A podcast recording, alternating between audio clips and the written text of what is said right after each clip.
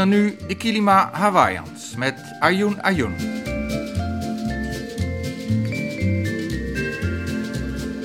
Jangan mandi kali pesapen, kali pesapen, banyak lingkanya. Jangan mandi kali pesapen, kali pesapen, banyak lingkanya. Ayun, ayun, ayun,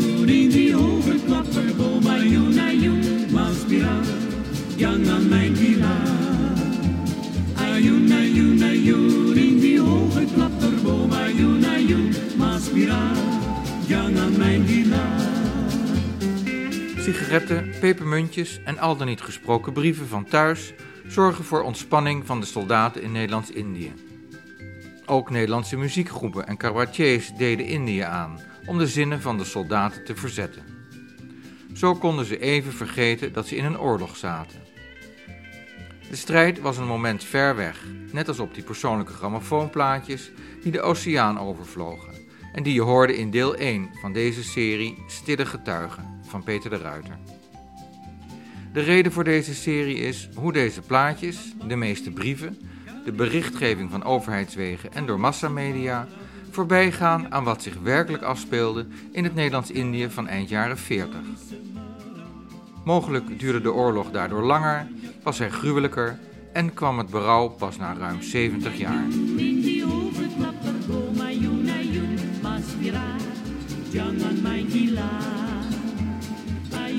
Er was natuurlijk behoefte aan contact met het moederland. Het was natuurlijk voor, voor het eh, moreel erg belangrijk. Hè. Je hoort Tim Wolf, geluidsarcheoloog, in het VPRO-radioprogramma OVT, mei 2008. Het werd ook heel erg door de legerleiding gepropageerd. Contact met het thuisfront was belangrijk om het vol te houden.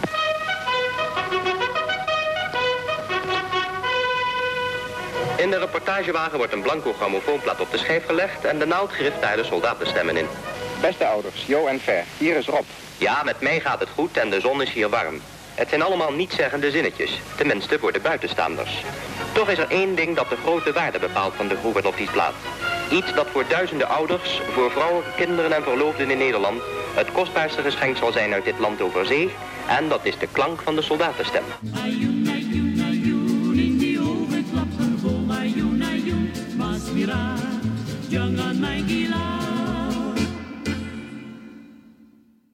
Contact met het thuisfront was belangrijk om de strijd vol te kunnen houden. En andere vormen van ontspanning droegen daaraan bij. Maar bij mij gaat het na enige tijd knagen, al dat draaien om de hete brei heen. Hoorde het thuisfront dan niet wat die soldaten werkelijk meemaakten? Dat er doden vielen, dat er mensen werden vermoord en dat er nog veel meer verschrikkelijke dingen gebeurden, zoals in elke oorlog. Ik krijg het gevoel van, als we er niet over praten of schrijven, dan bestaat het niet. We gaan het heus eindigen hoor. Dan ga ik eventjes wat zingen of wat ik wat. Maar de plaat is vol en we weten niet meer wat we zeggen moeten. In de bibliotheek vind ik het boek Soldaat in Indonesië van Gert Oost-Indie. Die naam ken je van begin 2022, van de uitgave Over de Grens. Een boek dat na al die jaren eindelijk, na diepgravend onderzoek, is samengesteld over alle gruweldaden van de Nederlanders in de koloniale oorlog. En het is een voorbode van nog meer publicaties. Drie instituten tekenen ervoor: het Nederlands Instituut voor Militaire Historie, het NIOD en het Koninklijk Instituut voor Taal, Land en Volkenkunde. Van laatstgenoemde organisatie was Gert Oost-Indie tot voor kort directeur. Ik spreek hem in zijn voormalige werkkamer aan de Universiteit Leiden. Mijn naam is Gert Oostindi. Ik ben historicus, inmiddels emeritus hoogleraar koloniale en postkoloniale geschiedenis, Universiteit Leiden. En ik was tot eind 2021 ook directeur van het Koninklijk Instituut voor Taal, Land en Volkenkunde. In Soldaat in Indonesië doet hij in 2015 verslag van zijn onderzoek naar de inhoud van brieven, dagboeken en andere geschriften van Indiëgangers, tijdens en na de oorlog. Ego-documenten heten die in academische taal. Wat heeft de doorslag gegeven naar het onderzoek en uiteindelijk het boek? in 2012 hebben de directeur van mijn instituut, Kijk Alvedus ikzelf, en het NIOT en het Nederlands Instituut voor Militaire Historie, die hebben een uh, groot stuk geschreven in, in Volkskrant was dat, waarin we zeiden, uh, het is toch hoog tijd dat er een groot onderzoek wordt gedaan naar die oorlog, de, de, onze laatste grote koloniale oorlog, zeg maar. Nou, dat leverde van alles op. ik was de woordvoerder en ik kreeg ontzettend veel reacties van militairen, van veteranen. En die waren zo verschillend, die, die, die reacties. Dat ik dacht, goh, dat is toch wel interessant om meer systematisch te kijken. Wat hebben ze nou eigenlijk gezegd? Over die oorlog, uh, tijdens de oorlog en later. Nou, daar kwam het idee vandaan van uh, laten we eens gaan zoeken naar die ego-documenten. En ik heb toen gezegd, nou, we gaan alles wat ze hebben gepubliceerd, dus wat ze ook echt hebben willen delen.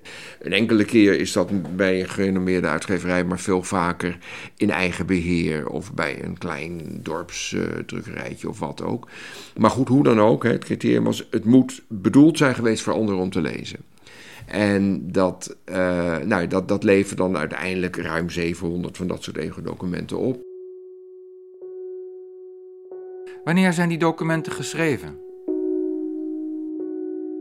Toch wel een vrij klein gedeelte waren dagboeken en, en brieven die later alsnog gepubliceerd zijn, hè, dus die echt uit de tijd zelf zijn. En een veel groter gedeelte bestaat uit memoires. Dus dat, dat mensen, eh, ah, dus die militair, inmiddels veteraan, uh, alsnog gaan opschrijven wat hebben we daar eigenlijk meegemaakt. En, en ja, interessant, je zag wel dat dat eigenlijk, dat de host in dat soort publicaties was op het moment dat mensen met pensioen gingen. Hadden ze meer tijd. En kregen ze waarschijnlijk ook wel vaak ook inmiddels van hun kleinkinderen te horen van, wat heb je daar nou eigenlijk gedaan en zo. Nou, daar gaat men schrijven. Waar was Gert Oost-Indie naar op zoek? Het was voor mij in die zin aanvankelijk heel overzichtelijk. Wij, uh, die open brief, uh, waarin wij zeiden van het is echt noodzakelijk dat Nederland dat nou eens gaat aanpakken. daarbij was het argument eigenlijk, er zijn bibliotheken vol geschreven over wat de Duitsers ons hebben aangedaan in 4045. Er is één boekenplankje over wat wij, de Indonesiërs, hebben aangedaan in 4549. Daar, dus dat was de kern. De kern ging dus eigenlijk ook over oorlogsmisdaden, extreem geweld. En aanvankelijk wilde ik al die ego-documenten, uh, wilde ik, en ik had een heel, met een heel team hoor, uh, wilde echt gaan doorvloeien. Wat staat daar al dan niet in over extreem geweld, over oorlogsmisdaden? Stond er niks in, dan kon dat boek op de stapel, daar hebben we niks aan. Maar de bronnen bleken rijker dan verwacht. Op een gegeven moment, en dat was toch wel vrij snel, kwam ik er wel achter. Ja, maar er zijn zulke. Er staat zoveel meer in dan alleen maar dat geweld en de reflectie daarop. Die jongens, zeg ik dan toch maar, want het waren, hè, de, je hebt het over honderdduizend dienstplichtigen en iets van 30.000 beroeps. Uh, die, die, die dienstplichtigen waren inderdaad jongens van 18, 19, hè, die worden opgeroepen, die moeten er naartoe. Hebben ze enig idee? Wat gaan ze daar doen? Wat, wat, wat wordt hen verteld dat ze daar gaan doen? Daar hebben ze zelf voor gedachten erbij.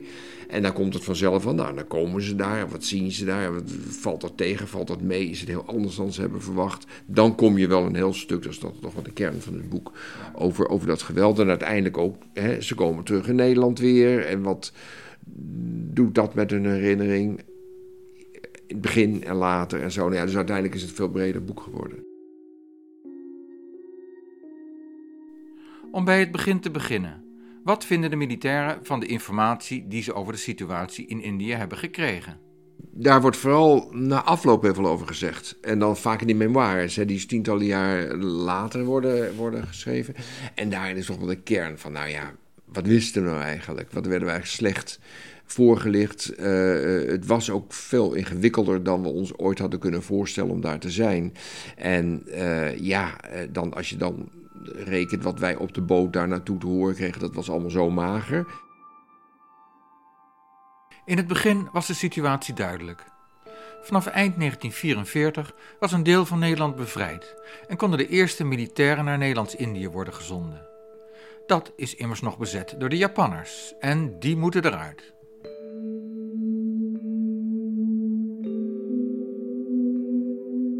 Maar vanaf augustus 1945 verandert de situatie compleet. Japan capituleert na de kernbommen op Hiroshima en Nagasaki. Kort daarna roepen vrijheidsstrijders onder leiding van onder andere Sukarno de Republiek Indonesië uit. Die strijders willen dat de Nederlanders vertrekken. Sommige Japanners sluiten zich bij dat streven aan en vechten mee. En dan wordt het beeld onduidelijk, want er zijn ook Indiërs die het wel best vinden dat de Nederlanders er zijn. En een aantal Indonesiërs is het niet eens met Sukarno en strijden tegen zijn troepen. Nederlandse militairen kunnen moeilijk onderscheiden wie ze voor zich hebben. In dit wespennest wordt het ook voor de Nederlandse overheid en de legerleiding moeilijk een heldere koers te bepalen. Toen wij op weg waren van Malakka naar Java, hoorden we eigenlijk pas voor het eerst dat er in Indonesië revolutionaire groeperingen waren gevormd. Die onmiddellijke zelfbeschikking wilden nemen. Als ik het voor het zeggen had, zou ik rechtsomkeerd hebben kunnen maken. Maar ik zat letterlijk en figuurlijk in het schuitje en voer mee met de vele bevrijders om als bezetters te worden ontvangen.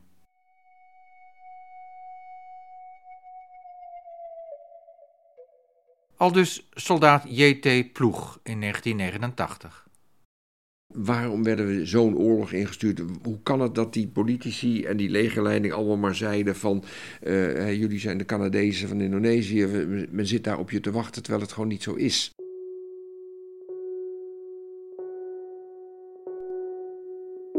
Los van het feit of de Japaner nou nog wel zit of niet zit, de eerste vraag is: hebben zij enig idee naar wat voor soort land ze gaan? Stel je voor, dit zijn heel vaak jongens die zijn hun eigen provincie nog nooit uit geweest. Dit is een tijd waarin er, waarin er wel een bioscoop is, maar geen televisie. Waar men af en toe misschien eens iets op het, op het nieuws of dat soort zaken ziet. Maar eigenlijk geen idee. Eh, men heeft geen idee wat Frankrijk is laat staan wat de tropen zijn. Hè? En daar wonen mensen die er anders uitzien, die alles anders doen. Het is nog armoediger dan Nederland. Allemaal, nou ja, men geraakt in een totaal nieuwe wereld en heeft eigenlijk tevoren ook geen voorstelling hoe dat eruit ziet.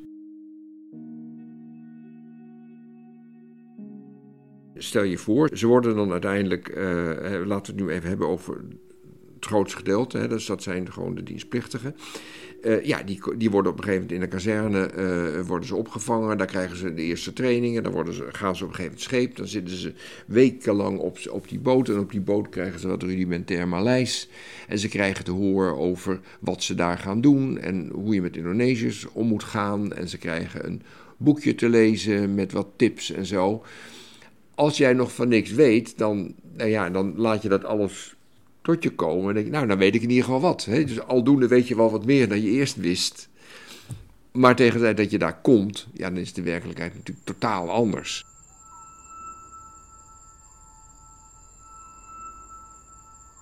Iets heel banaals. Maar ze moeten wachtlopen. En ze schrikken van alles wat lawaai maakt s'nachts. Nou, in de tropen maakt heel veel lawaai s'nachts. Krekels en allemaal dieren, geritsel, gedit en gedat. En dan, langzaam zinkt het in van, waar zijn we hier en wat is dit vreemd?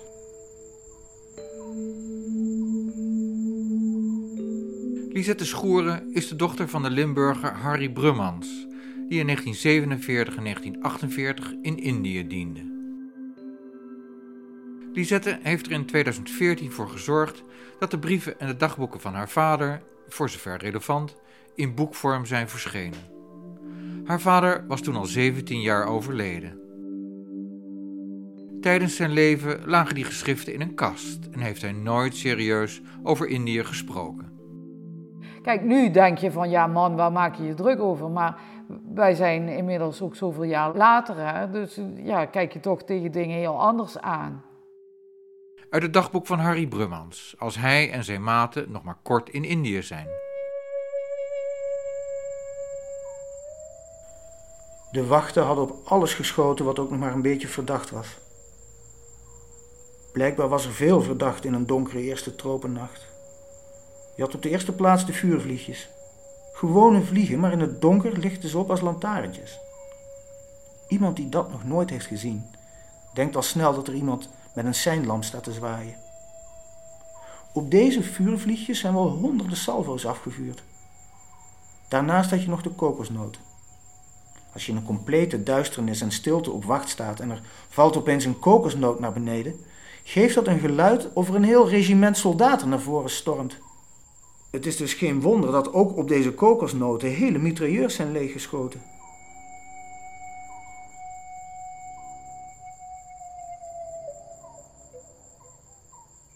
En dan heb je het dan nog niet eens over. Uh, ze zien zich omringd door mensen die ze nog nooit hebben gezien. Nederland was natuurlijk vrijwel wit hè, voor de Tweede Wereldoorlog. Ze komen uit een samenleving die wat politieke verschillen kent. En heel bescheiden regionale verschillen. Maar eigenlijk toch redelijk homogeen is vergeleken met wat ze daar gaan aantreffen. Dan stel ik Gert Oost-Indie de vraag waar ik eigenlijk voor kwam. Hoe komt het dat de militairen in Indië nauwelijks schreven over wat zich daar werkelijk afspeelde? Een gedachte die je misschien nu hebt van, nou dat zal wat te maken met censuur, ja, dus dat het niet mag. Nou, het, is, het wordt zeker niet op prijs gesteld en soms ook verboden en soms ook gecontroleerd, maar dat laatst niet zoveel. Door de legerleiding dat je negatieve dingen uh, naar Nederland schrijft, dan helemaal als dat gedeeld wordt met de pers, dat is een paar keer gebeurd. Nou, dat, dan, dan komt er een heleboel heibel. Maar uh, veel meer is het zelfcensuur. En, uh, en waarom is dat? Hè, uh, kijk, ik was op zoek ja, afhankelijk eigenlijk alleen maar, of voornamelijk, naar wat men schreef over geweld. En ik vond dat zeg maar in 80% van al die bronnen daar eigenlijk niet over geschreven wordt. Die andere 20 juist wel en soms wel heel veel. Hè. Maar je hebt al die anderen helemaal daar niks van meegemaakt, kan ik me niet voorstellen. Gezien wat we toen al wisten, wat we nu hè, na verder onderzoek alleen maar meer weten. Er, is, er was gewoon veel geweld. Uh, dan blijkt ook wel dat aan de ene kant uh, dat men, uh, degene die er wel over schrijven, achteraf ook zeggen: ja. Dat was natuurlijk moeilijk om over te schrijven. Moeilijk voor onszelf om dat onder ogen te zien. Maar wij wilden ook liever het thuisfront niet alarmeren. Hè? Want, want als het een echte oorlog is, er is veel geweld, dan gaat, gaat, gaat, mama en papa zich allemaal zorgen maken over dat, dat mij wat kan overkomen. Vooral dat natuurlijk. Hè? Uh, dus daar is men veel meer mee bezig. Niet zozeer van of wij foute dingen doen, maar stel voor dat ons wat overkomt. Hè? Dus dat, dat, dat is een reden om er niet over te schrijven.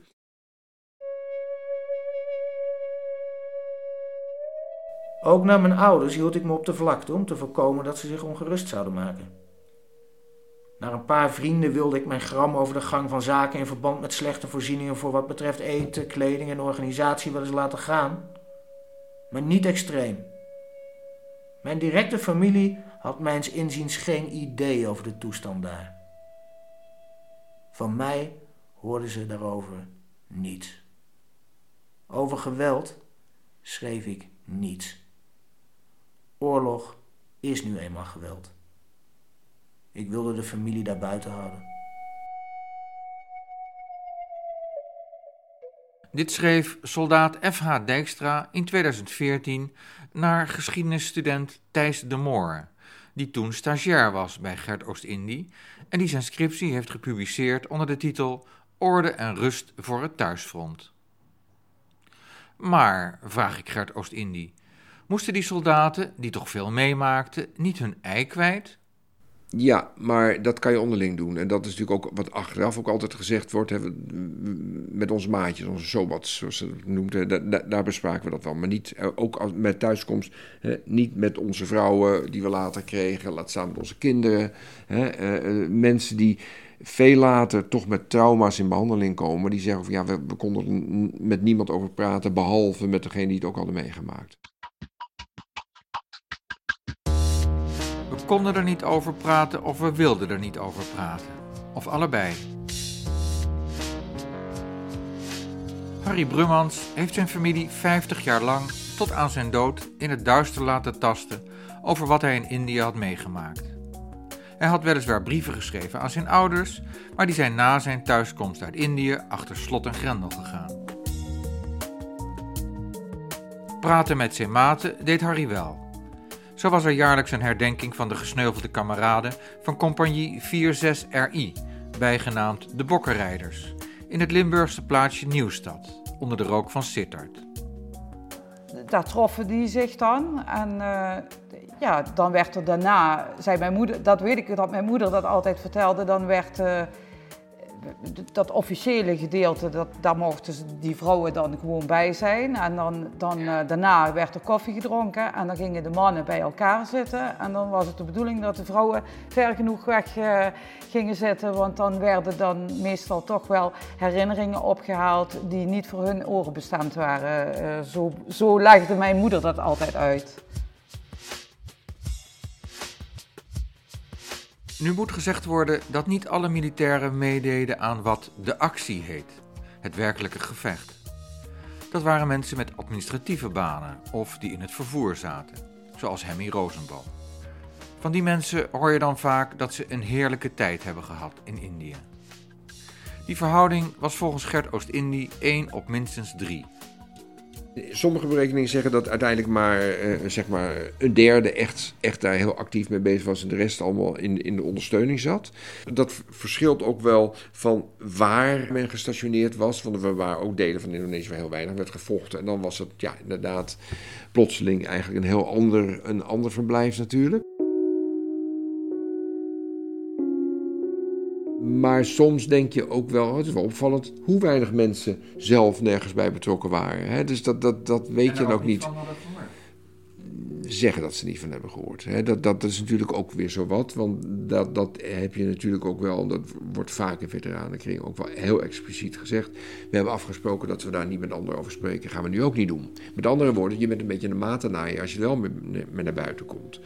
Wat, wat het beroemdste geval natuurlijk is, is dat in 69 uh, Joop Huting, dat is een veteraan, die, uh, die uh, besluit, heeft hij al trouwens jaren daarvoor voortdurend geprobeerd, maar de Nederlandse pers wilde er niet aan, ook interessant. Maar eindelijk in 69, eind 68, dan 69, vindt hij gehoor bij de media, de grote media.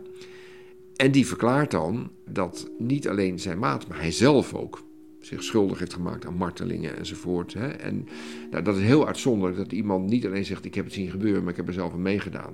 Hè. Maar goed, hij zegt dat. En wat gebeurt er? Hij wordt overspoeld door hate mail, eh, zoals het toen nog niet heette, maar hè, van enorme en bedreigingen en zo van veteranen. En dat heeft er ook mee te maken van luister, hè, deels van je overdrijft het, maar deels ook, wacht even, jij breekt de erecode. Wij gaan niet onderling praten. Of sorry, we gaan onderling wel praten, maar niet met anderen.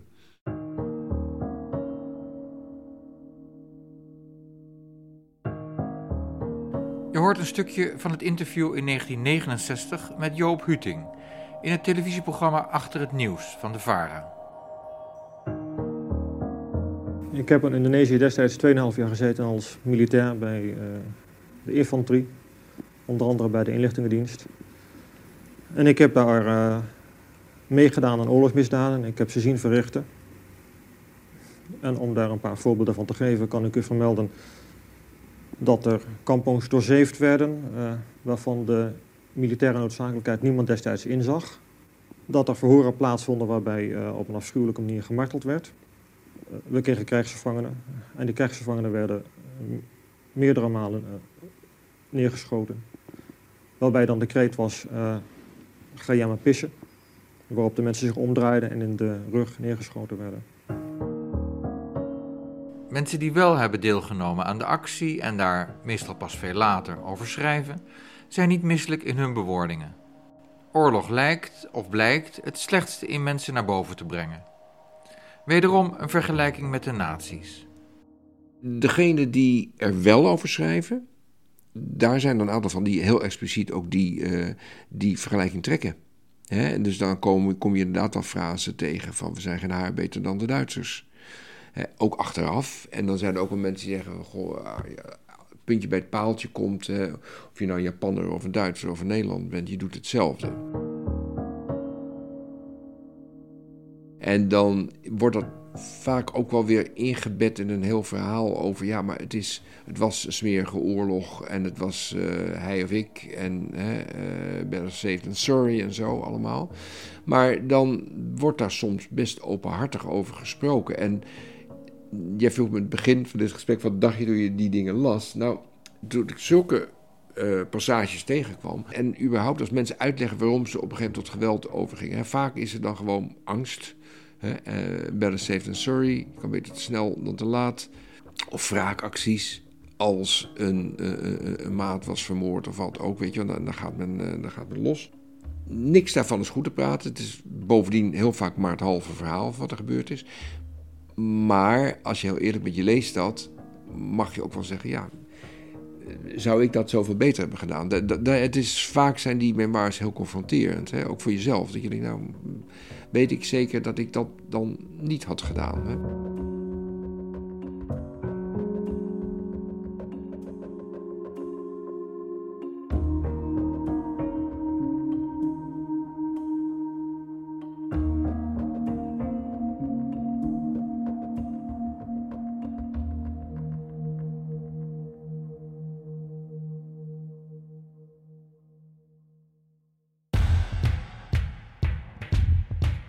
Leger film- en fotodienst vertoont straatgevechten. Dienstgeheim. Deze instructiefilm mag alleen met Nederlandse militairen worden gesproken. Deze wat krakkemikkige begintitels gaan vooraf aan een geweldsinstructie op film voor soldaten tijdens de koloniale oorlog, geïllustreerd met beelden van een onbekende militaire actie. Zoals altijd zijn de belangrijkste wapenen, behalve uw geweer en geweermitrailleur, de geweergranaten, handgranaten, raketwerpers en vlammenwerpers. Daar de bouw van de huizen in dit gebied lichter is dan in Europa, hebben vlammenwerpers meer uitwerking. Op de wegen zijn zeker sluipschutters verborgen. Deze moeten worden uitgeschakeld voordat u kunt zeggen dat de stad in uw bezit is. Hoewel enigen ervan zich zullen overgeven, zult u er waarschijnlijk veel meer moeten doden dan u er gevangen zult nemen. En u zult ze één voor één gevangen moeten nemen.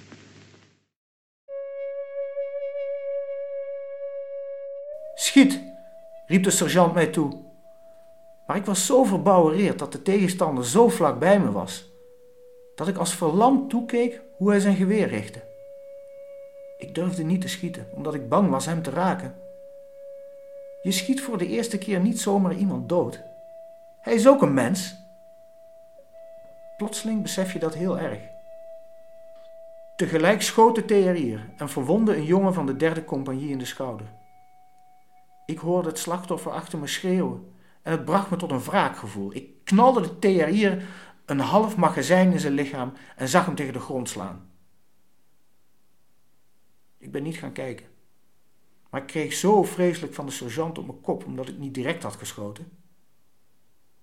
Daardoor was een van ons gewond ben er dagen kapot van geweest.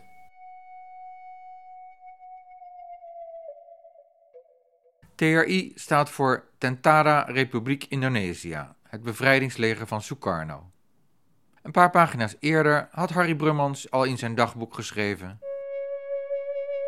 Het is een mooi werk om met een mortieren te schieten als je weet dat je voor je kameraden aan het vechten bent.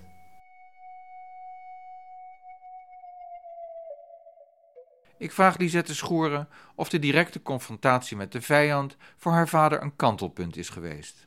Kijk, ehm, met die mortieren zit je natuurlijk ver genoeg van, uh, van de daadwerkelijke slachtoffers af. Hè? Dus um, dat schieten met die mortieren, uh, dat vond hij dan toch wel dankbaar werk. Want dan, als ze dan uh, weer een kampong veroverd hadden. Uh, nou, dat was dan toch mede doordat zij zo uh, goed geschoten hadden met die mortieren. Maar om iemand daadwerkelijk die voor je staat dood te schieten, dat is toch wel een ander verhaal, denk ik. En dus dat is wel inderdaad een kantelpunt voor hem geweest. Maar, eh, naar mijn gevoel, ook naar de verkeerde kant gekanteld. Want daarna is hij nog verschillende keren uh, als scherpschutter uh, erop uitgestuurd uh, geworden. Um, en op een gegeven moment dat hij iemand uit een boom heeft geschoten en die had zich met een touw aan die boom vastgeknoopt. En hij schiet hem dus zo uit die boom en die, die man die bleef daar hangen. En dat vond hij dan toch wel een hele prestatie. Plotseling was er een schot en de luid was dood. Een kogel tussen de ogen. Toen was er weer een schot en de sergeant was dood. De mitrailleurschutter van 2-6 RI begon in het wilde weg op de omgeving te schieten en tegelijk werd ook hij getroffen. Zijn hele rechterkaak werd verbrijzeld, maar hij leefde nog en heeft het overleefd.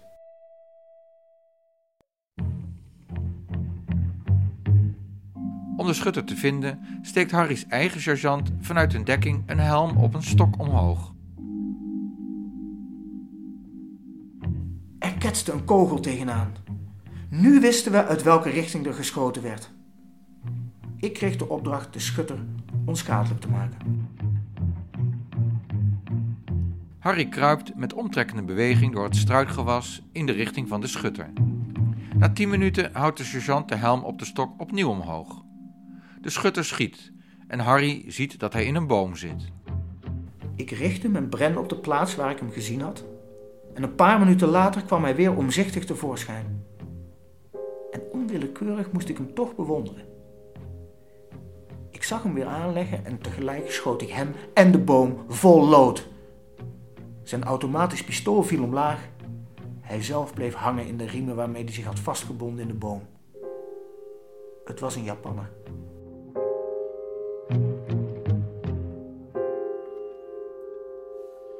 Een Bren is een in Indië veelgebruikte lichte mitrailleur van Britse makelij. Waarom Harry Brumans een halve eeuw heeft gezwegen is niet bekend, maar laat zich raden. In de eerste plaats is er de erecode met zijn maten en andere veteranen. Die vriendschap was waarschijnlijk belangrijker dan de waarheid en alle gevolgen van dien. Pas aan het einde van zijn dagboek noteert hij onder het kopje trauma's zijn meest verschrikkelijke ervaringen. Slapeloosheid vanaf terugkeer in Nederland. Emotioneel ontregeld door vooral Kajen. Twintig van onze jongens, waarbij hoge officieren, verkrachten daar een twaalfjarig meisje. De aanval in Panigaran, waarbij knilmilitairen gevangen genomen Indonesiërs op beestachtige wijze hebben vermoord. Het verhoor op een buitenpost waarbij een gevangene een hele pot kininepillen in zijn mond werd gestopt en op moest eten, waarna hij dood neerviel. Met de carrier over een slapende man rijden dat alles kraakte, waarna zijn hand tussen rupsband en wiel zat. Het totaal onnodig in brand steken van kampongs met fosforgranaten. De seksuele rotzooi waar ik niet tegen kon en waartegen alles in mij protesteerde. Het ophangen van een man die ons gewaarschuwd had voor mijnen.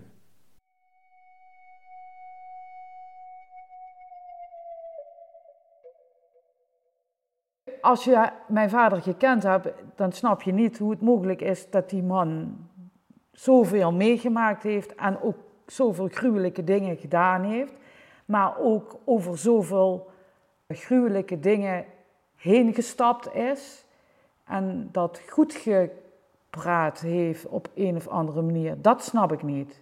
Dat, daar snap ik niks van. Er staat een, stuk in, uh, in het boek dat er gewoon iemand, een, een inlander uh, met een kind op de rug, over een pad wandelt. En een luitenant uh, die houdt die man aan en die, die, die schrikt en die wil wegrennen en die wordt gewoon zo doodgeschoten. En die had helemaal niks gedaan. Het was geen TRI of niks. En dan zegt mijn vader vervolgens, ja, hij zal toch wel wat uitgevreten hebben. En dan denk ik van, ja, ik snap dat niet. Ik, ik begrijp niet hoe je zo over de dood van iemand die onschuldig daar neergeknald wordt, zo kunt praten. Dat snap ik niet. Nog steeds niet.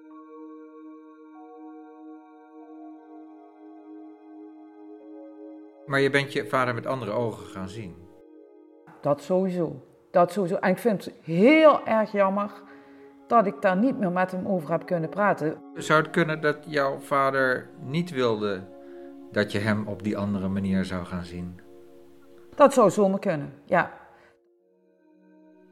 Waardoor is het beeld dat je van je vader had vooral veranderd? Dat hij daar zo op een gegeven moment uh, gemakkelijk over schreef als hij iemand uh, doodgeschoten had. Dat, dat vind ik heel bijzonder nog steeds. En ik kan me eigenlijk ook niks bij voorstellen, want mijn vader was een hele. Ja, ik, ik, kan me niet voorstellen dat hij iemand doodgeschoten heeft. En, en toch is het zo. Dat is heel gek.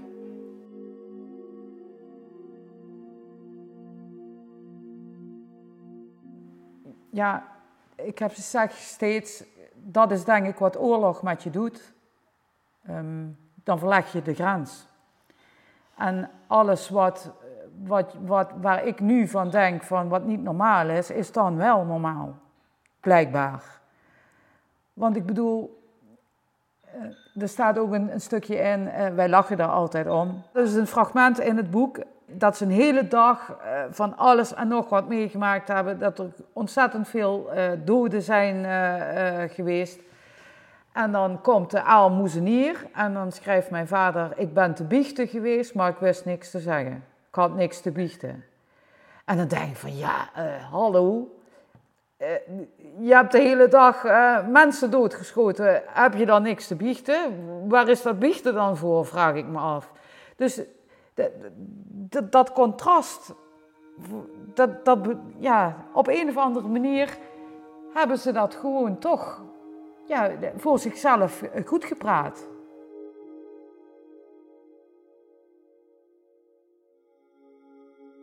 Ik vraag Gert Oost-Indie wat we kunnen leren van deze koloniale oorlog.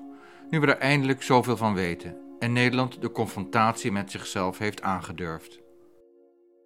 Dat er uh, oorlogsmisdaden worden gepleegd, dat zie je iedere keer weer. Er zijn twee dingen heel belangrijk. Eén is, als er al aan een oorlog begonnen wordt, je moet heel erg goed weten wat de doeleinden zijn en of die realistisch zijn. In Nederland begon die oorlog gewoon met een totaal niet realistische uh, doeleinden, maar uh, gebaseerd op een niet realistische inschatting van wat de situatie was. Lees totaal onderschatting van het nationalisme, de kracht van, van de tegenstander, militair ook, en, en eigenlijk ook een, een veel te optimistische inschatting over hoe blij Indonesiërs wel met Nederland waren. Maar daarna, en dat is wel, daar kan je echt aan leren, of een legerleiding adequaat omgaat met meldingen van extreem geweld, van oorlogsmisdaden. Als de cultuur in het leger is van dat kan echt niet, dat moet worden gerapporteerd. En als dat niet gerapporteerd wordt, dan, uh, we komen er toch achter, dan heb je een probleem. Dan zal dat een goede rol spelen. Als het tegenovergestelde gebeurt, en dat is wat, wat in deze oorlog aan de hand was, is dat de legerleiding in abstracto altijd zei: van luister eens, uh, gedraag je goed. De Indonesiërs zijn niet onze vijanden, het zijn alleen de extremisten, zoals men dat dan graag zei. Maar als er dan verhalen binnenkwamen over, over oorlogsmisdaden van de eigen kant en men dat altijd weer toedekte, of het kwam niet eens hoog omdat het op lager niveau al werd toegedekt, of het kwam wel één stapje hoger en werd het daar toegedekt. En het weinig wat uiteindelijk helemaal bij de legerleiding terecht kwam, daarvan zei de legerleiding: dit is schande en deed daar volgens niks mee. Dan ontstaat er een sfeer hè, van straffeloosheid. Nou, dat kan je wel voorkomen. Er is veel te weinig opgetreden, geen twijfel. Maar er zijn wel mensen veroordeeld.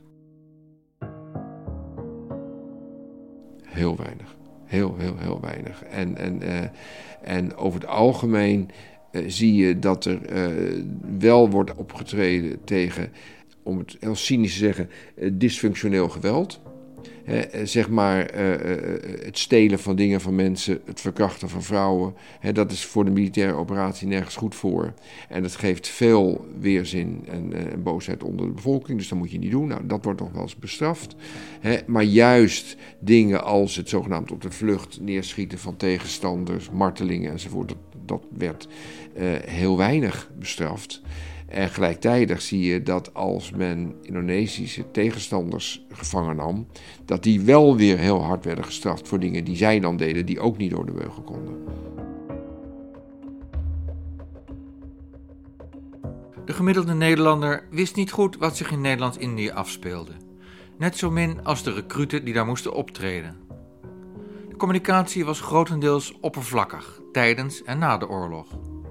De overheid hield qua informatie ook de knip op de beurs en probeerde alleen bekend te laten worden wat haar goed uitkwam. In het parlement en in de media kwam de kwestie wel af en toe pijnlijk aan de orde, maar op de een of andere manier daalde die informatie niet in, of werden er geen consequenties uitgetrokken. Daarover later meer. Rest de vraag hoe het komt dat een aimabele man als Harry Brummans zijn grenzen ver oprekt. Hij is een gevoelige man, een natuurmens, zoals zijn dochter Lisette hem noemt, die alleen al op de boot naar Indië de ene verrukking na de andere meemaakt. De ondertitel van het boek luidt Een prachtig land in oorlog. Juist omdat ik naar voren wilde laten komen dat papa ook echt een natuurmens was en dat hij dus ondanks al zijn uh, verschrikkingen ontzettend genoten heeft van die natuur. Ook als je dat stuk leest uh, van uh, wat een ellende op die boot, wat daar allemaal gebeurd is. Maar evengoed staat daar dan toch de dolfijnen en de bruinvissen en de vliegende vissen. En hij had daar zoveel oog voor. En ook in de rimboe, die bomen, de, de watervallen, de apen, de, alles werd genoemd.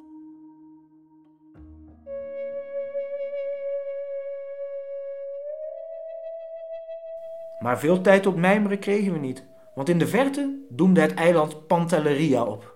Een subtropisch eiland midden in een vredige waterspiegel. Het is het mooiste wat ik tot op heden heb gezien. Een hele hoge vulkaanachtige berg die langzaam in zee uitloopt. Allemaal weiden, weelderige plantengroei, palmbomen, dorpjes en bossen tegen de berg omhoog en granieten rotsmassieven die dit alles opvingen. Cynisch genoeg vaart Harry Brummans op zijn reis naar de oorlog in Indië ook langs de resten van de vorige oorlog, die van de Tweede Wereldoorlog, zoals bij Normandië en Noord-Afrika, waar de masten van gezonken schepen nog boven water uitsteken en de landingsvaartuigen de stranden ontsieren. Hier werd het Engelse leger meermalen door de kleine groep van Rommel gedecimeerd. En daar kregen de Italianen geduchte klappen. En een paar pagina's verder. Al wat ik tot nog toe aan landschappelijk schoon gezien heb, verzonk in één slag in het niet. De bittermeren zijn van zo'n intense schoonheid dat we allemaal sprakeloos waren.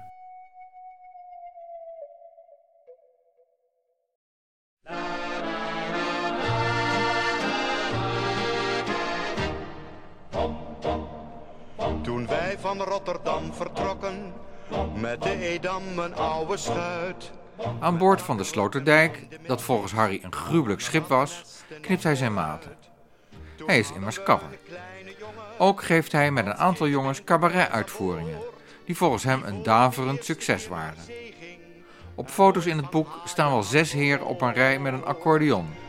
Die van zijn moeder aan de kade wat schuchter lachend afscheid nam. Anderen spelen trompet, banjo of gitaar. Met muziek maken is Harry na de oorlog doorgegaan, vooral in de kerk.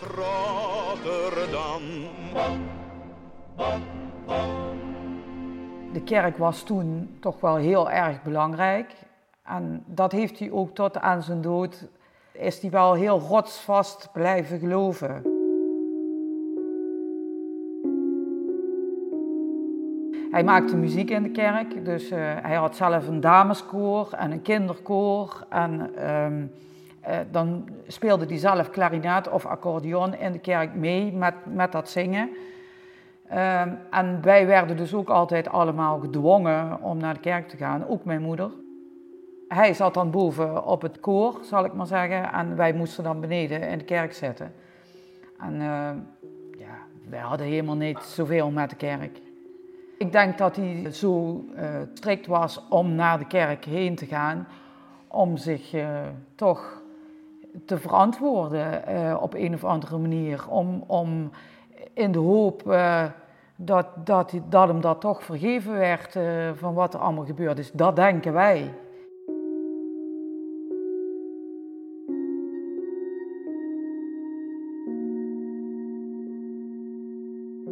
Verder bleef pa één groot mysterie. Het enige wat hij vertelde waren gewoon de leuke dingen. Eh, dus uh, dat hij daar een aap had en dat, dat, daar kokosnoten aan de bomen groeiden en dergelijke dingen. Het was wel een echte natuurmens, dat heeft hij ook wel op ons allemaal overgebracht. maar nooit eigenlijk echt wat daar gebeurd is. Nee. Het enige wat wel was, als er een oorlogsfilm op tv kwam, dan moest daar naar gekeken worden. Linksom of rechtsom, maar de, daar werd naar gekeken. En dan zei mijn moeder altijd van, ja, dadelijk slaap je vannacht weer niet. Maar ja, daar hebben wij eigenlijk nooit bij nagedacht dat dat de achtergrond daarvan was. Want ook mijn moeder heeft nooit geweten wat daar zich afgespeeld heeft. Dat heeft hij nooit verteld. En toen hij terug is gekomen, eh, hij is natuurlijk om, uh, wat eerder teruggekomen omdat zijn vader plotseling is overleden. En oma bleef toen met elf kinderen zitten.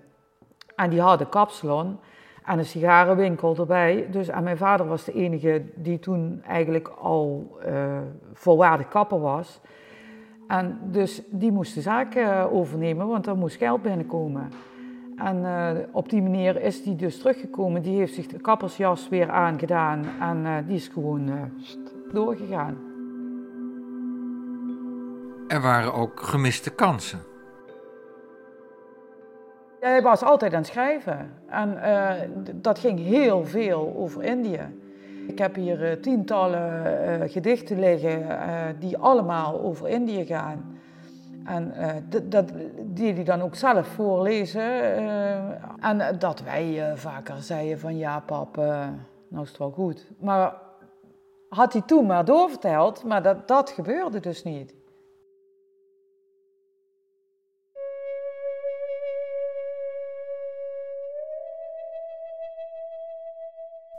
Herinnering. Wij waren in het dodendal als echte kameraden, met honderdduizend in getal als slaven langs de paden. Er was alleen die hechte band, ver van familie, vaderland, waar moeders voor ons baden. Wij waren in het dodendal, van eeuwig groene bomen, met honderdduizend in getal en elk zijn jonge dromen. Wij waren daar tezamen paraat, dat is de plicht van een soldaat. Het luchtkasteel der vromen. Wij waren in een paradijs van palm- en klapperbomen. En vogels zongen daar hun wijs en ieder had zijn dromen. Soldaten stonden daar op wacht, soms stierf er een, heel onverwacht. Dat is ons overkomen. Wij waren hier in het dodendal waar wij als slaven zwierven, met honderdduizend in getal, waarvan vijfduizend stierven, hun daden werden niet bekend. Worden soldaten ooit erkend, als zij ook roem verwierven? Wat waren wij een prachtig stel. We gingen samen vaak door een hel in tropisch zwoele nachten. Nu staan wij bij dit monument en weergaande gedachten naar deze vrienden ooit gekend en naar die hen thuis verwachten. Wat was er leed, wat was er pijn, omdat men nooit meer samen kon zijn met hen die op hen wachten. Dan zie ik in gedachten dat jij aanwezig bent. In slapeloze nachten jouw naam op het monument. Het leven is vaak triest en zot toch is er steeds die hand van God op jou en ons geënt.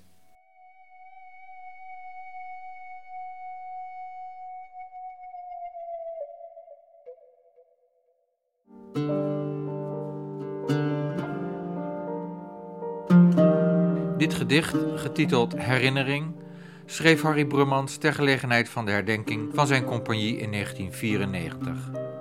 Daar maakte hij elk jaar een gedicht voor. Dit was deel 2 van de serie Stille Getuigen.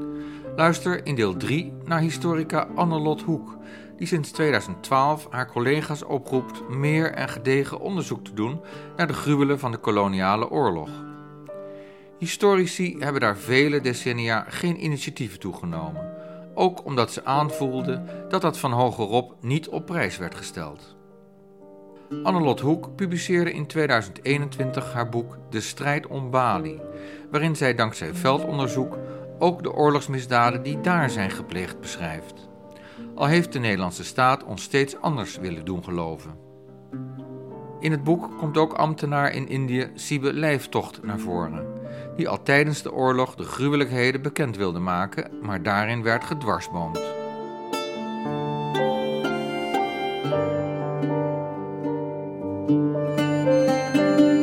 Stille Getuigen is een productie van Peter de Ruiter, die ondersteund wordt door het Eva Tasfonds.